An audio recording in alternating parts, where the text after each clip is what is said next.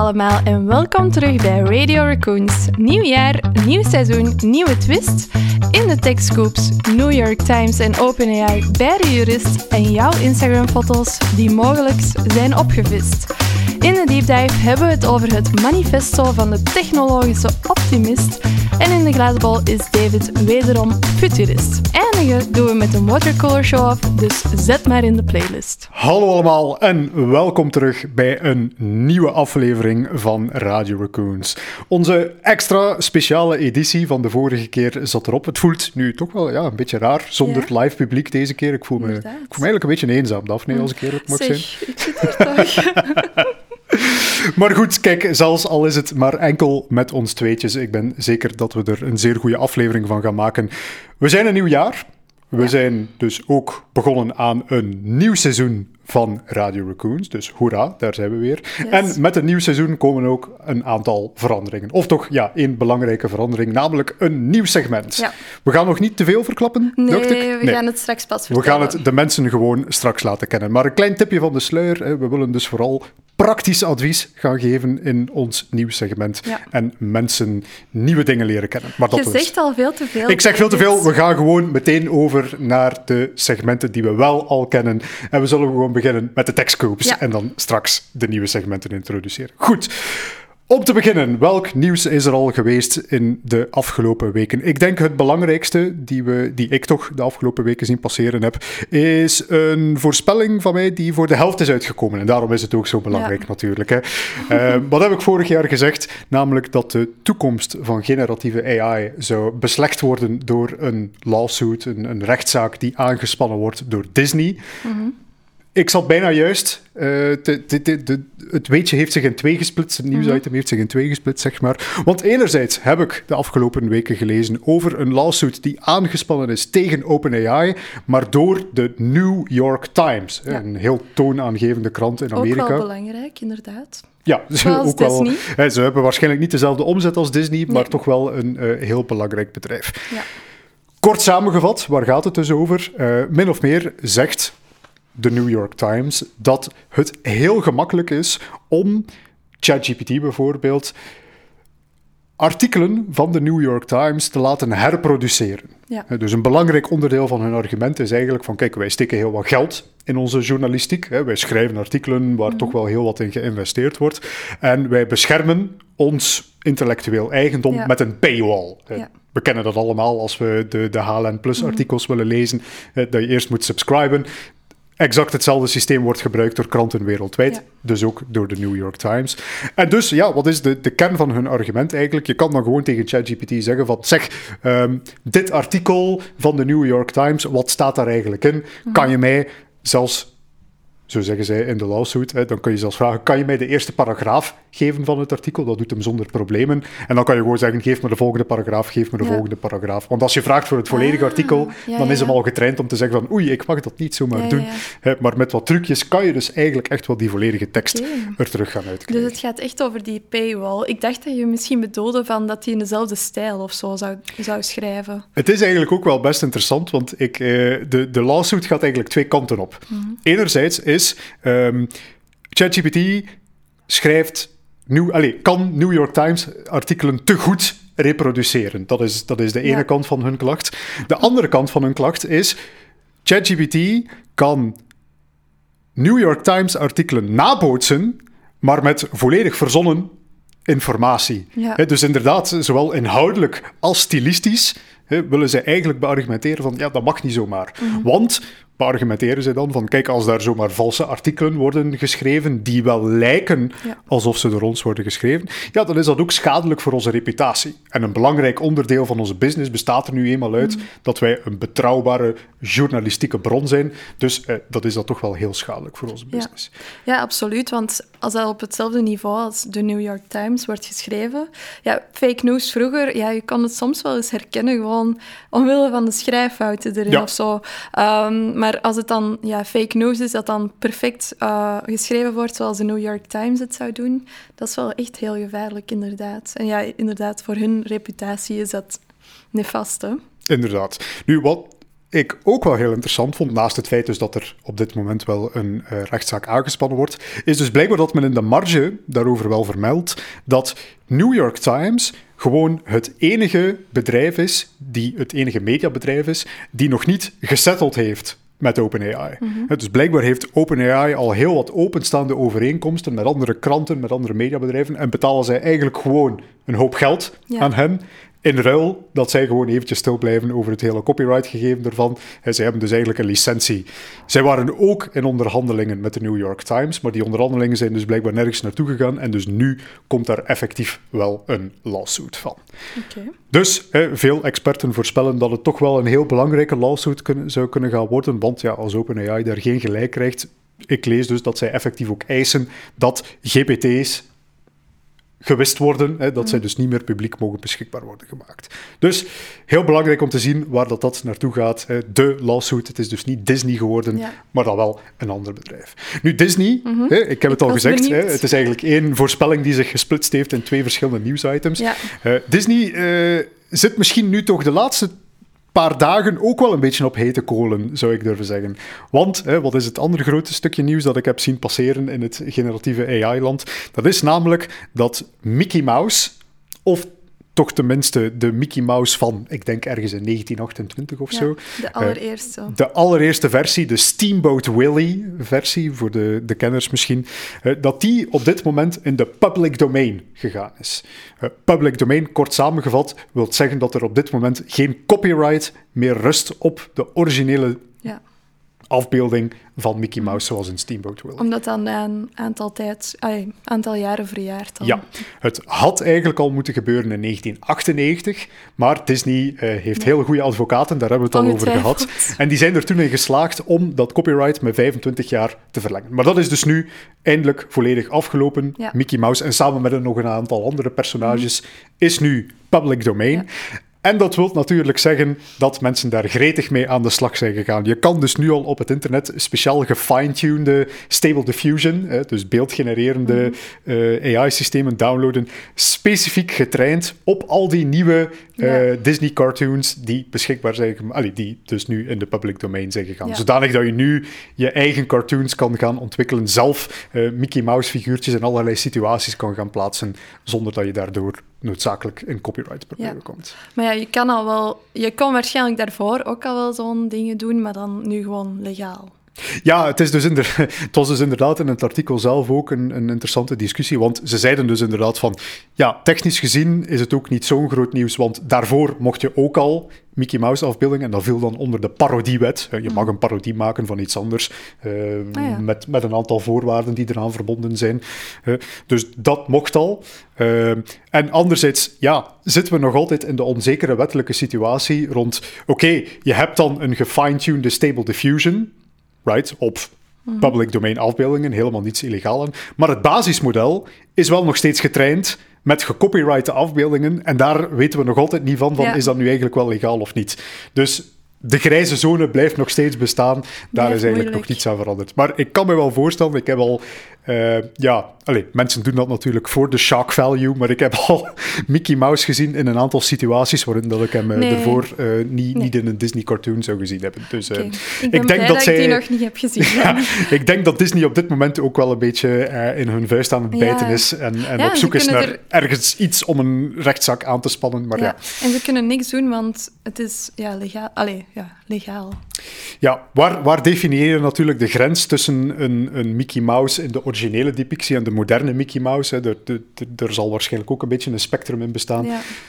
Goed, ik denk het zijn interessante tijden om een Disney-advocaat te zijn, want eh, ook zij zullen met Havix ogen in de gaten houden wat er allemaal aan het gebeuren is. Genoeg te doen dus voor hun. Ja, ja. Alright. Ja, ik vind ja, uw voorspelling is een beetje uitgekomen, maar ik vind het nog niet om te zeggen van ik had gelijk. Voilà, kijk, maar we zullen zien. Kijk, wel twee heel interessante als, Als Disney alsnog besluit om ergens een rechtszaak aan te spannen, dan kan ik toch nog gelijk krijgen. dan had je toch nog gelijk. Um, alright, twee interessante tekstcoops. Ik heb, ik heb er een derde. En ik heb die gekozen omdat ik het toch wel ja, dicht bij huis ineens vond komen. Ehm, het gaat over Meta, want die hebben een image generator gelanceerd. Uh, die heet Imagine with Meta AI. En die werd getraind op 1,1 miljard foto's. En niet zomaar foto's, het kunnen uw foto's zijn. Want ze hebben gewoon die foto's van Instagram en Facebook gehaald. En dat vond ik wel echt ja, heel dicht bij huis komen. Maar ik heb geluk, want mijn profiel staat privé. Um, en die foto's hebben ze blijkbaar niet gebruikt. Dus hm. stel je bent een influencer of, of gewoon iemand die zijn profiel um, niet privé zet, dus gewoon openbaar zet, um, kan het heel goed zijn dat jouw foto's in dat ja, trainen van dat model zijn gebruikt. dus ja, dat vind ik zo wel een beetje akelig ineens of zo. Ik heb het model zelf nog niet geprobeerd. Maar het gaat ook nog niet in ah, Europa. Dus het is weer enkel voor de US. Spijtig, spijtig. Want eh, is het dan bijzonder goed in het genereren van shitty selfies of zo? Of, ik, zou, ik zou denken van wel. Uh, ja, ik weet het niet. Ik heb al wel zo een paar foto's gezien die hiermee gegenereerd zijn. Maar dat waren... Ja, het is een beetje DALI 3-achtig. Of ja, ik denk de kwaliteit dat die wel niet zo helemaal dat zal zijn. Maar ja, ik vraag het mij ook wel af. Zou het eerder zo die hyperrealistische menselijke foto's zijn die goed gerecreëerd kunnen worden? Dat weet ik nu niet. Ehm, maar als jij ook vindt dat, je dat, dat ze dat liever niet gebruiken van jou, dan zou ik zeggen dat je profiel maar snel privé, als het nog niet zo is. Um, het zal al te laat zijn, vrees ik. Ja, ah, wel, maar ja, ik weet het niet. Uiteindelijk, ik denk als ze het echt willen, dat ze ook wel je privéfoto's kunnen gebruiken voor zo'n dingen. Want je hebt dat ook in een vorige aflevering tijdens de liveshow gezegd, denk ik. Als een product gratis is, of een service, dan ben jij waarschijnlijk ja, het product waar ze geld aan verdienen. En dat is in dit geval ook wel echt zo, hè? Ja, ik heb die uitspraak niet uitgevonden voor de duidelijkheid. Ja, nee, maar... ja, het, komt weer, het komt weer daarop neer. Hè? Ja, inderdaad.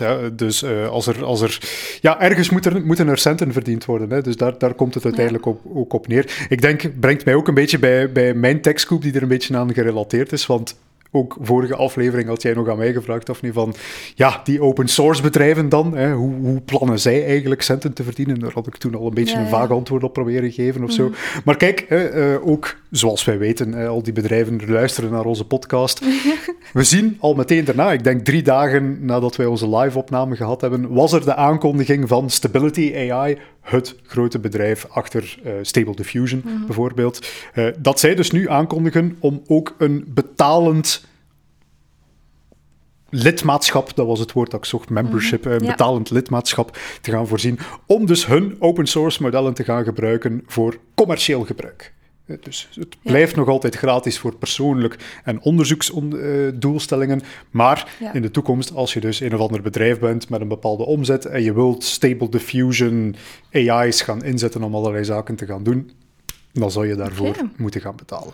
Hun argument natuurlijk, op die manier gaan wij ons toekomstig AI-onderzoek kunnen bekostigen. En zo houden wij die wereld open en eerlijk, et mhm. cetera.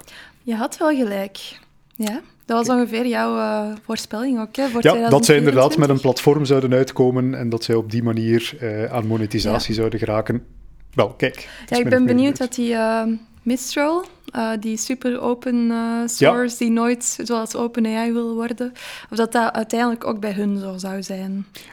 Mijn voorspelling zou zijn, als ze ooit groot genoeg worden, dan waarschijnlijk wel. Ja, ja toch? Want je ziet um, Stability AI in het begin van het jaar. Ik denk dat dat ongeveer niet heel lang na uh, de ChatGPT-launch was, dat zij ook zo begonnen op te komen. En nu, je ziet een jaar later, ja, is het zover. Dus we geven Mistral nog een jaar. Um, ja. we, we, kijken dan nog eens hoeveel het zou kosten bij hun. Of het nog altijd gratis is. Dat kan ook. Um, ik heb de laatste tekstkoop. Het is tijd voor onze Musk-date. We hebben er gewoon een naam op geplakt. Uh, ja, de Elon Musk Update, uh, zoals we hem noemen. En ik had de keuze uit twee updates, maar ik heb gekozen voor het robotje. Want Tesla heeft een, hun laatste humanoid robot gelanceerd, um, genaamd Optimus Gen 2.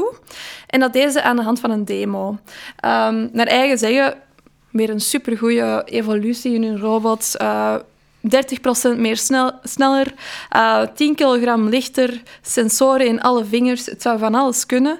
Um, maar wat ik dan altijd frappant vind, is dat ze die robot niet maken voor in productie te gaan of te verkopen, maar dat ze die eerder maken als prototype om te tonen van wij staan nu hier in ons um, ja, in ons onderzoek of in onze ontwikkeling van een robot die taken zou kunnen uitvoeren die wij als mensen liever niet willen doen. En het is eerder een soort van ja, demo van hey, we staan nu hier, we zijn wel met iets bezig en we zijn goed bezig, maar we gaan het niet in productie zetten totdat het echt perfect is. En Ja. op die manier gaan ze toch steeds tonen van, ja, we zijn er wel mee bezig en we staan nu hier. En, Ik, ja? ik, ik vind dat altijd een beetje een... een hmm, wat is ja, de, de, de vraag term die is wel, zou dat dan op schaal lukken? Ja, inderdaad. Ze- ik herinner ja. me nog als klein mannetje, ik, ik weet niet, Daphne, of dat jij door dezelfde dingen gefascineerd was als, als, als klein persoon, maar niet. de, was dat van Honda, de Asimo. Toevallig nog Echt, gezien. Ja, ik ken die. Ik, ik, het komt me wel bekend Ja, voor. dat is zo de allereerste, allereerste is ook weer een groot woord, maar zo de, de echt populaire mensachtige robot die destijds gedemonstreerd is Ja. geweest. En, en ik herinner me nog goed, de, eerste demonstratie was die robot die een trap afwandelde en dan was Ja. iedereen zo van, wow, wow, amai. Ik dacht toen, toen ik die demo zag, van, right, oké, de mensenrobots, we, we wachten nog een jaar of vijf of zo en Ja. we lopen overal rond. Ik moet nooit meer mijn kamer opruimen, want mijn, mijn robot gaat dat doen voor mij. En ik ben nog altijd aan het wachten. Hè. Ja. Intussen al 32 jaar oud. Mm, Waar, waar blijven die mensachtige robots? En we hebben intussen al zoveel demo's gezien van interessante robots die, die allerlei zotte dingen doen. Kijk maar bijvoorbeeld naar Boston Dynamics. Ja, ja. hè. Salto's, trucjes, weet ik veel wat allemaal. Ja, die zijn nog wel zotter dan de deze. Ja, wel, dat, dat ging ik er ook nog aan toevoegen. Zo, ja, naar, naar, naar spektakelwaarde was het wel iets minder interessant dan de Boston? Dynamics video's, vond ik dan zelf. Maar net, misschien is dat Maar waar we naar op zoek zijn. Minder je- spektakel ja. en gewoon meer realisme. Bent je op zoek naar een robot die salto's kan? Ik kan geen salto en ja, ik kan wel veel andere dingen. Dus Ja, allee, voilà. heb je niet liever dat die echt een goede taken kan eh, vervangen dan... Allee, het is heel cool, hè, een robot die een salto kan of ik weet niet wat, ehm, voor gekke dingen. Maar ja, deze... Ja, ik- er, er zat zo in dat filmpje dat ze erbij hebben gezet, ik zal het ook in de show notes zetten, bijvoorbeeld dat dat een ei kon vasthouden en jij zei, oh, dat doen ze altijd bij van die robotdemo's. Maar ik vind dat toch altijd straf dat die ja, dat niet plat duwen of zo. Of zou het een hardgekookte ei zijn? Dat weet ik nu niet. Ehm, ja, je moet ook altijd wel een beetje oppassen met wat, wat je gelooft. En zeker na die hele Gemini-toestanden van Google, waar dat hun demos een beetje aangedikt worden. Ik denk dat elk ja, Silicon Valley, groot techbedrijf, dat tegenwoordig wel een beetje durft te doen. Dus ja. We kunnen het niet testen, want hij gaat niet in productie en niet in verkoop. Dus ehm, het blijft bij deze demo. Maar ik vond het wel een toffe om mee te nemen in de Musk Date. En ehm, goed, dat was de laatste tekstgroep ook. Hè? Yes. En nu gaan we over naar onze deep dive. Alright, dan zullen we eens in de deep dive vliegen. Een beetje een speciale editie deze keer, want normaal gezien, Daphne, is er een soort algemene ban voor mij om te spreken over manifesto's. Maar deze Ja. keer ben je eigenlijk zelf naar mij toegekomen met de vraag of ik een bepaald manifesto al gelezen had. En, Ja. en ik moet eerlijk toegeven, ik heb al wat manifesto's verteerd in mijn leven, maar deze zelf had ik nog niet gezien. Ja. En ik, ik dacht nogthans van, kijk, hier ga ik een volledig document vinden met alleen maar zaken waarmee ik akkoord ga. Maar dat is toch wel een beetje anders uitgedraaid. Hè? Het is het techno-optimistisch manifesto geworden deze keer. En dat is dus ook het onderwerp van onze deep dive. Nu, eh Daphne, ja, we, we hebben het alle twee doorlezen. Inderdaad, Het is een manifesto, het is nogal, heel heftig. ja, nogal heftig, een beetje zwaarwichtig geformuleerd, Ja. durf ik misschien wel zeggen. En ik, ik durf ook wel zeggen, doorgelezen is misschien ook een groot woord. Want daar moet je... Ja, we hebben, we hebben het wel gelezen. In een bepaalde richting, we hebben diagonaal. het niet om, eh, bestudeerd. Ja, dat is inderdaad wel eh, een, een, een feit. Maar dus nu, techno-optimisme. Eh, Inderdaad, moest je aan mij vragen, David, ben jij een techno-optimist? Voordat ik dat manifesto had gelezen, had ik met heel veel gusto ja geantwoord. Ik geloof in de netto positieve impact van technologie op onze maatschappij. Maar dat manifesto, allee, die toch wel redelijk ja, druk besproken wordt eh, op de social media de laatste tijd, gaat toch wel een beetje verder, denk ik. En, en ik vond de, de, de eerste quote al Ja. meteen een goeie Ja. eh, om de context duidelijk te maken. Het begint eigenlijk zo. En ik heb ehm, inderdaad de eerste zin, of de eerste twee zinnen van het manifesto opgeschreven. En ik ga het even voorlezen aan jullie, zodat jullie direct mee zijn, dat jullie het niet volledig moeten beginnen lezen om mee te kunnen zijn, eh, om te weten hoe dat hij nogal schrijft. Dus, We are being lied to. We are told that technology takes our jobs, reduces our wages, increases inequality, threatens our health, ruins the environment, degrades our society, corrupts our children, impairs our humanity, threatens our future, and is ever on the verge of ruining everything. Ja. Arbeiders aller landen verenigt u. Hè. Het heeft zo dat, dat sfeertje Oh. toch wel. hè. Het is, het is een echt manifesto, inderdaad. Ja. Hè. En ja, het, het begint nogal sterk met, met een aanklacht, Ja. zou ik durven zeggen. Hè. Ze liegen tegen ons. Ze, we worden belogen, verdorie. En ja, allee, daar, daar gaat het zo al een beetje de mist in voor mij. De, allee, dan gaat het nog een heel stuk verder over, over dit hele concept. Ja. Maar het komt er eigenlijk op neer van, ja, eh, heel dat technologisch, we gaan het nu even pessimisme noemen, technologisch pessimisme van de laatste tijd, eh, dat, dat, dat is blijkbaar nu het dominante discours geworden. Hè, en dat is ook een beetje het centrale punt van het techno-optimisme. Wij gaan daar tegenin. Hè. Wij zijn tegen de mainstream van het techno-pessimisme, Ja. want het is blijkbaar allemaal slecht tegenwoordig. Ja, Is dat wel? is dat wel zo? Ja. Hè? Dat is denk ik de eerste vraag die we alle twee gesteld hebben aan elkaar. Van, ja, goh, mogen we dan nu eigenlijk Ja. echt wel zeggen dat we in een techno-pessimistische wereld leven? Ja, ik, ik, ik zei dat inderdaad tegen u, van, oh, ik, ik ervaar dat helemaal niet zo. Allee, je hebt wel bijvoorbeeld je ouders of zo die vroeger zeiden van, je zit de hele dag achter je laptop en achter de tv. Oké, ja, het, veel mensen argumenteren inderdaad van, ja, je moet kinderen niet te veel technologie laten gebruiken en laten spelen buiten. En ergens ben ik het daar wel, ook wel mee akkoord. Maar of dat echt onze samenleving eh, aan het verpesten is en of mensen dat effectief zo zeggen tegen mij van pas op met die technologie. Ik heb dat nog niet echt zo heftig als die, het als- Andreessen, of hoe heet hem, Ja. het beschrijft, heb ik het nog niet ervaren. Ik denk wel dat we absoluut wel mogen zeggen, zo van, is, zijn mensen vandaag de dag kritisch over technologie? Dat denk ik wel. Eh, Er, er zijn absoluut kritische geluiden over technologie. Maar ja, dat is eigenlijk een beetje de, de, de vragen die mensen zich stel- stellen terwijl ze de technologietrein zien voorbij razen. De trein blijft gaan. Eh, Het is niet zozeer dat wij als maatschappij volledig gekant zijn tegen technologische vooruitgang. Zie bijvoorbeeld, eh, ik vond het wel interessant, eh, Vlaamse verkiezingsnota's. Daar gaat het alleen maar over innovatie en technologische vooruitgang en. Vlaamse vooruitgang en weet ik veel wat allemaal.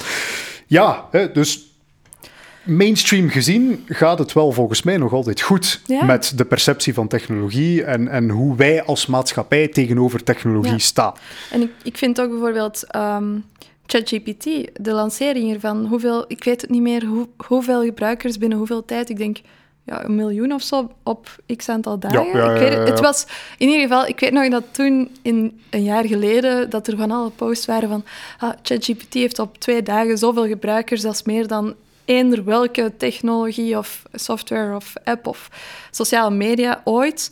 Ja, dat wil toch zeggen dat mensen juist sneller gaan ja, adopteren, zal ik het maar noemen. Ja. En, en juist pos- positief zijn en, en zoiets hebben van, ah, ik wil het wel proberen, in plaats van, oh, wacht, ChatGPT, dat is eng, dat willen we niet proberen. Of, Ja. allee, er zullen wel mensen zo zijn. Maar, We leven dus niet in een maatschappij waarin dat wij vandaag de dag massaal op een of andere manier gekant zijn tegen technologie en weigeren om elke vorm van nieuwe technologie te gaan gebruiken. Integendeel, eh, als er iets nieuws is en er is iets Ja. cools en het heeft echt waarde, dan gaan we het massaal gaan omarmen en aan snelheden die eigenlijk nog veel hoger liggen dan ooit tevoren.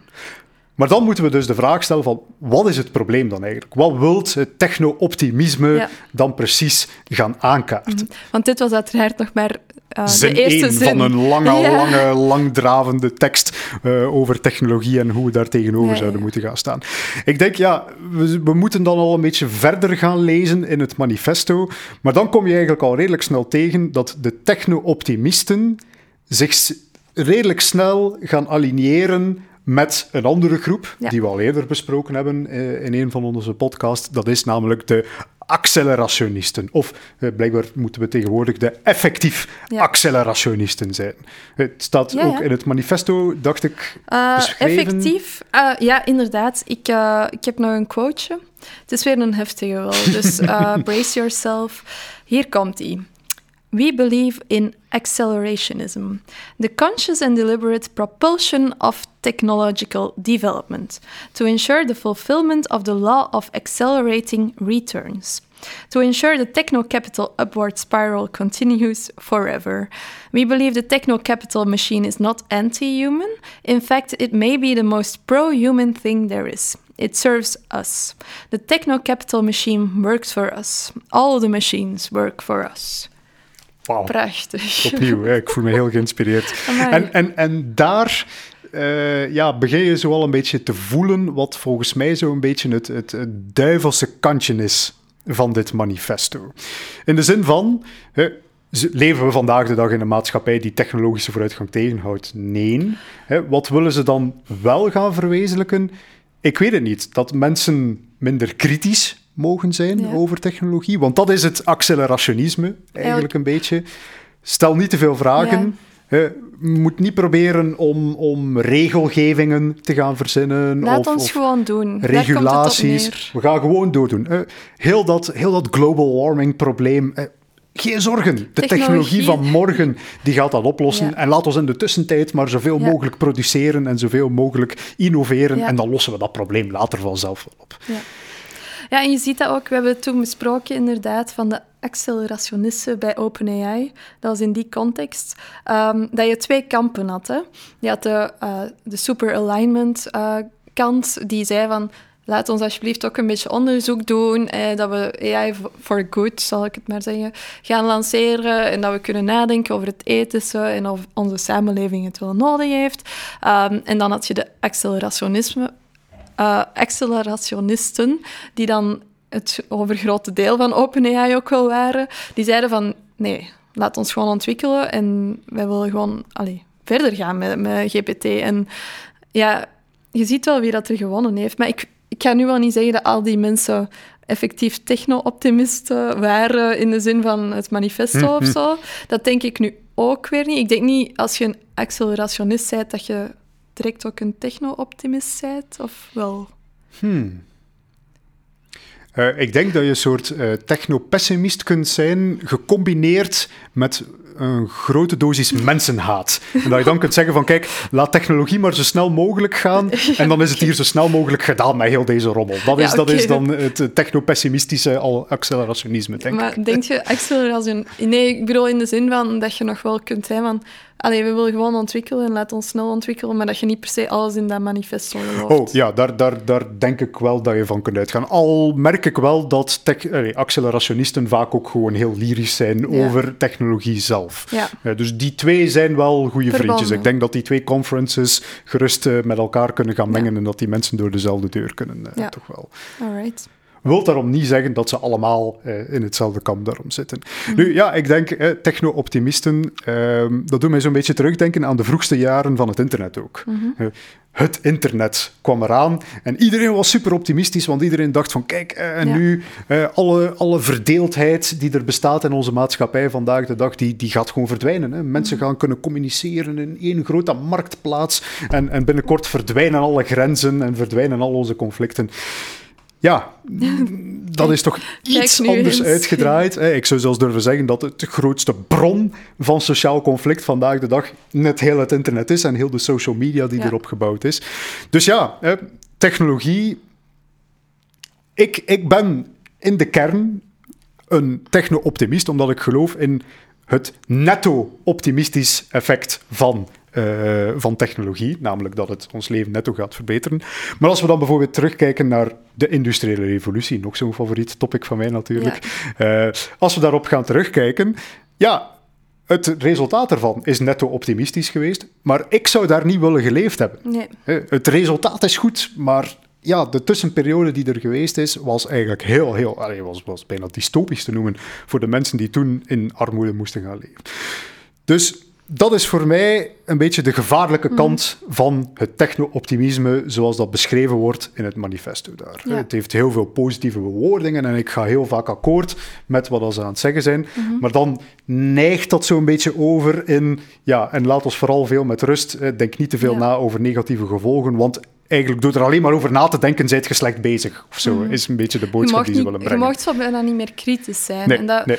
dat vind ik juist dat dat je wel moet bij de ontwikkeling van technologie. En zeker nu, deze En- dagen, het heeft zoveel impact op iedereen. Misschien zelfs nog belangrijker, kritisch zijn is net nodig om de technologie te gaan itereren. Ja, tuurlijk. De, de smartphone bestond ook al voordat de iPhone uitgekomen is, maar mensen dachten van, ah, het, is, het is toch een beetje clunky en dat werkt niet goed. En, Ja. en hè, ze hadden eigenlijk kunnen zeggen van, wauw, een, een, een nieuwe soort gsm met een toetsenbord en een groot scherm, dit is, dit is de toekomst. Maar ja, kijk, Ja, het was nog niet goed genoeg, we waren er nog niet tevreden over, er waren veel slechte kantjes aan. Maar nee, absoluut. Zelf eh, eh, dichterbij misschien, ChatGPT, de eerste versies die eh, van alles uitkramen dat die eigenlijk niet zou mogen uitkramen, als daar toen geen limieten op gezet waren, Ja. ehm, dan, ja, allee, dan zaten we nog altijd zoals een jaar geleden bezig eigenlijk. Was er geen vooruitgang geweest. Ehm, dus ja, ik denk dat we dat inderdaad zeker nodig hebben, een kritische blik. Maar ik denk ja, dat zij het kritisch-pessimistische niet wilden. Ja, inderdaad. En daar mogen we gerust ook wel een beetje voor waarschuwen. hè. De, de, de sprong die je dan niet mag maken, is de negatieve gevolgen van technologie zien en dan besluiten dat technologie inherent negatief is en dus anti-technologie worden. Dat, dat is de, ja, de andere kant van het extremistische verhaal, Ja. zeg maar, waar we dan ook niet mee akkoord kunnen gaan. En dan Maar ik denk, ja, extremen zijn nooit goed, hè, in eender wat.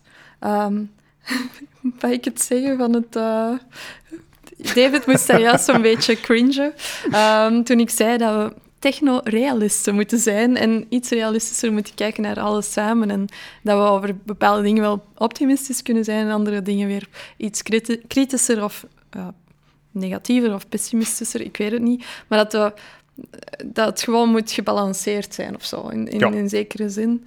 Ehm, dus ja, ik denk dat ik eerder in dat kamp hoor als er nog een derde kamp mag zijn.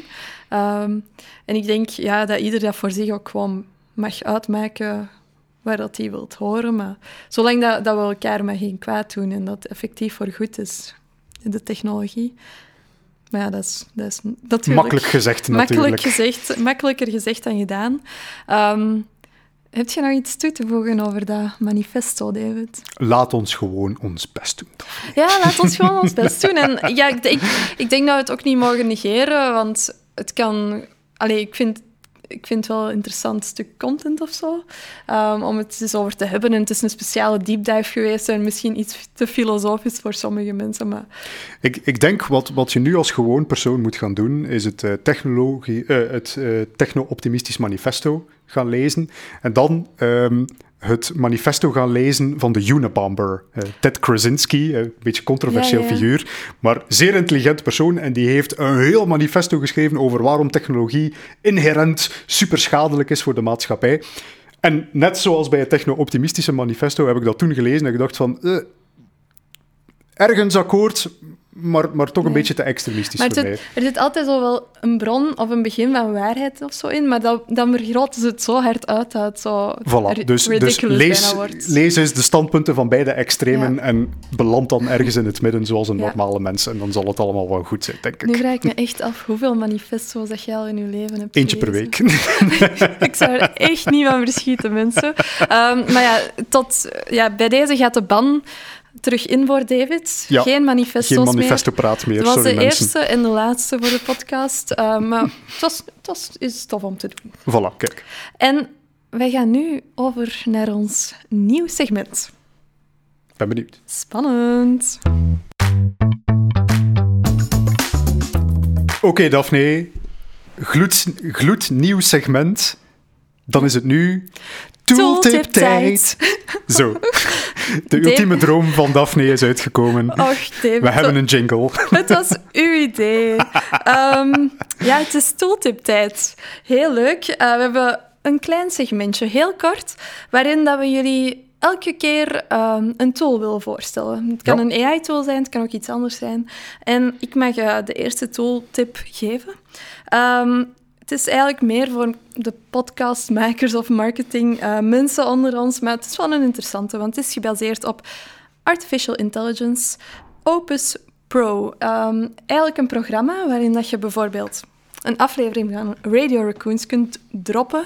Ehm, Opus Pro gaat dan die aflevering analyseren. Ik denk een soort van transcript van, van nemen, dan naar GPT sturen, zeggen van welke ehm, stukjes vind je het meest interessante. GPT geeft dan een tiental fragmenten per, ehm, per aflevering en gaat dan een virality score geven. En dat vind ik heel leuk. Uh, dus die zegt, dit kan 90% uh, kans hebben om viral te gaan omwille van die en die en die en die redenen. Um, dus je krijgt eigenlijk een fragmentje... Uh, met dan al, ook al voorgeëdite, um, zo van die heel real-achtige subtitles, zodat dat ja, ja, ja, springt zo. de woordjes. Ja, en... Heel mooi. Uh, heel makkelijk ook voor mij, want je beseft niet hoeveel tijd er in zo'n editing kruipt. Uh, dus ja, tooltip-tijd. Opus Pro. Heel gemakkelijk. Als je zoiets fragmentjes uit een, een lange video Viraal vriendelijke uh, videofragmenten. Maar we zijn heel uh, alliteratief bezig. Uh, Tooltip-tijd, viraal vriendelijke videofragmenten. Het is, het is, fragmenten is niet mijn Fragmenten, toch wel. Fragmenten. Wel in mijn woordenboek, Daphne. Oké. Okay. Um, en ik heb ook al op onze Instagram de eerste ja, Opus Pro video gepost. En het, het was viraler dan normaal. Oké. Okay. Nog niet viraal, maar wel viraler dan normaal. En dus, waar kunnen mensen het resultaat gaan bezichtigen? Ja, at radio.raccoons op Instagram uiteraard. Merci, Ik dacht David. niet dat Daphne een pluk kon laten liggen, maar kijk, ze heeft het toch gedaan. Merci om me te helpen. En um, ja, dat was de tooltip. Wij gaan uh, nu over naar de glazen bol van David. Oké, okay, Daphne. We weten intussen wel dat mijn voorspellingen, mijn glazen bol voorspellingen, soms wel eens sneller durven uitkomen dan dat Ja. we zelf zouden gaan verwachten. Kwestie van uren. Maar ik denk deze keer slaan we toch wel alles. Want deze keer is er een voorspelling uitgekomen nog voordat ik ze zelf gemaakt heb. Of met andere woorden, mijn voorspelling is eigenlijk een beetje outdated en Ja. de realiteit heeft mij al voorbijgestreefd. Ja. Maar ik vond het toch wel een interessante om eventjes te gaan brengen, want we waren erover bezig alsof dat het nog heel speculatief Ja. was. En we waren al aan het debatteren van vijf jaar, tien jaar. Wat, kunnen wat we gaan dat erop wel gaan zeggen? Maar bleek dat we eigenlijk al volledig waren voorbijgestreefd. Ik had namelijk een artikel zien passeren, nu eigenlijk al eventjes geleden, dat AI steeds meer wordt gebruikt om nieuwe materialen te gaan ontdekken. Ook nieuwe geneesmiddelen te Ja. gaan ontdekken, want geneesmiddelen zijn ook gewoon materialen, hè, dat weten we allemaal. Ehm, en mijn voorspelling was dus, ergens in de komende twee à drie jaar gaan we geneeskundige proeven zien met medicijnen die op zijn minst deels zijn ontwikkeld met artificiële intelligentie. Maar Kijk, jammer genoeg eh, ben ik daarin al een beetje voorbijgestreefd, want dan ben ik in mijn research een artikel tegengekomen over het bedrijf Excientia, als ik het hopelijk een beetje goed uitspreek, die zich specialiseert in het ontwikkelen van gepersonaliseerde medicijnen met behulp van artificiële intelligentie. Die dus eigenlijk ja, medicijnen tweakt op basis van bepaalde biologische markers en zij gebruiken daarbij AI om hun te helpen. hun te helpen. En dus hebben zij blijkbaar nu al twee klinische proeven lopen die, Met behulp van AI. die met behulp van AI zijn ontwikkeld. Dus voilà, kijk. ik weet niet of ik het mag claimen als een overwinning, maar eh, ik ga het toch doen. Ziezo. Ja, dus uh, we hebben eigenlijk een voorspelling die meteen is uitgekomen. Ja, die, die, die terug, die, Ja. die ja, min twee weken, uh, min een ja. paar maanden zelfs, uh, is uitgekomen. Retroactief effect. Retroactief effect. Oké, okay, nee. Um, ja, geen voorspellingen voor de toekomst, maar voor het verleden dan zeker. Ik zal ze proberen. Ik had de kritiek gekregen van David, uw, voorspellingen liggen te ver in de toekomst. Ze zijn niet actueel en realistisch genoeg. Wel, kijk, echt... bij deze. Bij ja, deze. Kijk, wij, neem, wij, nemen onze feedback mee. En, uh, je, jij Soms zelfs een beetje te veel. Kijk, ja. maar... kijk. Alright, um, op naar het volgende segment. Yes. Oké, okay, en dan is het tijd voor de Watercooler Show-off. Iets dat ik ben tegengekomen. Daphne, vind jij jezelf een pro in het gebruiken van ChatGPT? Ik denk het wel, ja. ja? ja? Denk, denk je dat je daar beter in zou kunnen zijn dan andere mensen? Op dit moment, ik denk dat ik er best wel goed in ben. Wel, kijk, dan is het misschien ideaal voor jou om je te gaan inschrijven voor een prompt engineering wedstrijd. Want die bestaan dus ook blijkbaar tegenwoordig. Uh, prompt engineering, voor de mensen die het niet zouden weten, is eigenlijk de kunst, ik ga het de kunst, het is zeker geen wetenschap, de kunst noemen, uh, van het zo optimaal mogelijk verwoorden van ja. vragen aan ChatGPT om daar een zo goed mogelijk antwoord uit te krijgen. Dus prompt engineering, als je daar iets wil over leren. Ja. In de vorige aflevering, denk ik, hebben we het nog gehad over het feit dat als je belooft in je prompt Ja, ja, om een fooi te geven eh, aan. ChatGPT, of als je vermeldt inderdaad dat het december is, dat je dan beter of slechtere resultaten kunt krijgen. Wel, blijkbaar hè, hebben ze hier dus ook al een eh, competitieve sport van gemaakt. Want ik kwam onlangs het artikel tegen How I Won Singapore's GPT-4 Prompt Engineering Competition. Singapore heeft dus al een officiële prompt engineering wedstrijd. Ik wou vragen, waar moet ik zijn? Let's Kijk, do it. Het is nog in Singapore. Ongetwijfeld volgt er binnenkort een internationale Olympische Ja. discipline of zo, waar dat we ons allemaal voor kunnen gaan inschrijven. Misschien, En moeten- dan, misschien moeten wij de, prompt, de beste prompter van België maken of zo. Een, een wedstrijd organiseren. hmm, interessant. Zouden mensen daarin geïnteresseerd zijn? Laat het ons weten, Ja, kijk. ik, ik ga toch winnen, maar ik wil andere mensen toch de kans geven. Wel, kijk, bij deze, we hebben het al eh, voorzichtig aangekondigd. Mensen kunnen al beginnen oefenen. En Ja. eens als ze klaar zijn voor de strijd, laat het ons maar weten. En dan, eh, Ja, dan kunnen we het Belgisch kampioenschap van start gaan. De volgende keer een glazen bal over doen, wie dat er gaat winnen. Eh, ja, ik zou het wel heel leuk vinden. Ik denk dat ik... Ik kan eigenlijk best wel goed om met ChatGPT, maar ik, dat gaat ook wel, naarmate dat je dat meer gebruikt, steeds vlotter of zo. Ja. Ehm, dat je krijgt wat dat je wilt. En weet je wat je tegenwoordig ook kunt doen? En dat vind ik wel heel goed. Stel, je hebt een hele conversatie gehad met ChatGPT om tot een bepaald... Bijvoorbeeld een social post. Ik zeg Mhm. van, ah, ik wil dit, ik ben dat. Allee, dit, zijn de, dit is de context.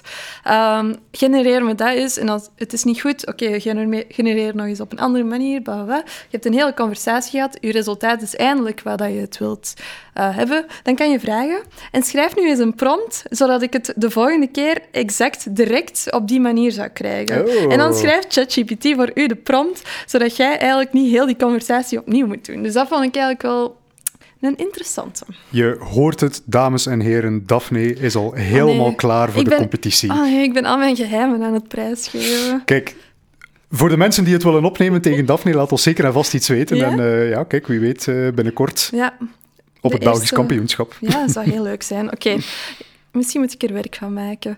Uh, alright, en daarmee zit onze aflevering er alweer op. De eerste van het nieuwe seizoen. Ja, leuk. Ehm, wij gaan gewoon dit jaar terug twee wekelijks door met Radio Raccoons. En eh, ja, als je een Curious Raccoon vraag of zo hebt, want die hebben we vorige keer wel gehad in het publiek. Eh, stel je hebt een vraag, mag je altijd sturen naar onze Instagram, radio.raccoons, of naar onze website, dat is eh, radio.raccoons.be. En eh, daar kan je een vorm vinden om het in te zenden. En wie weet is jouw vraag dan de volgende. Uh, en dan, ja, als je nog tips, feedback, whatever hebt, mag je ook altijd Manifesto's. sturen. Manifesto's. Ja, we gaan het er niet meer over hebben, maar wie weet leest David wel om er aan één per week te komen. Um, en dan zien wij jullie de volgende keer.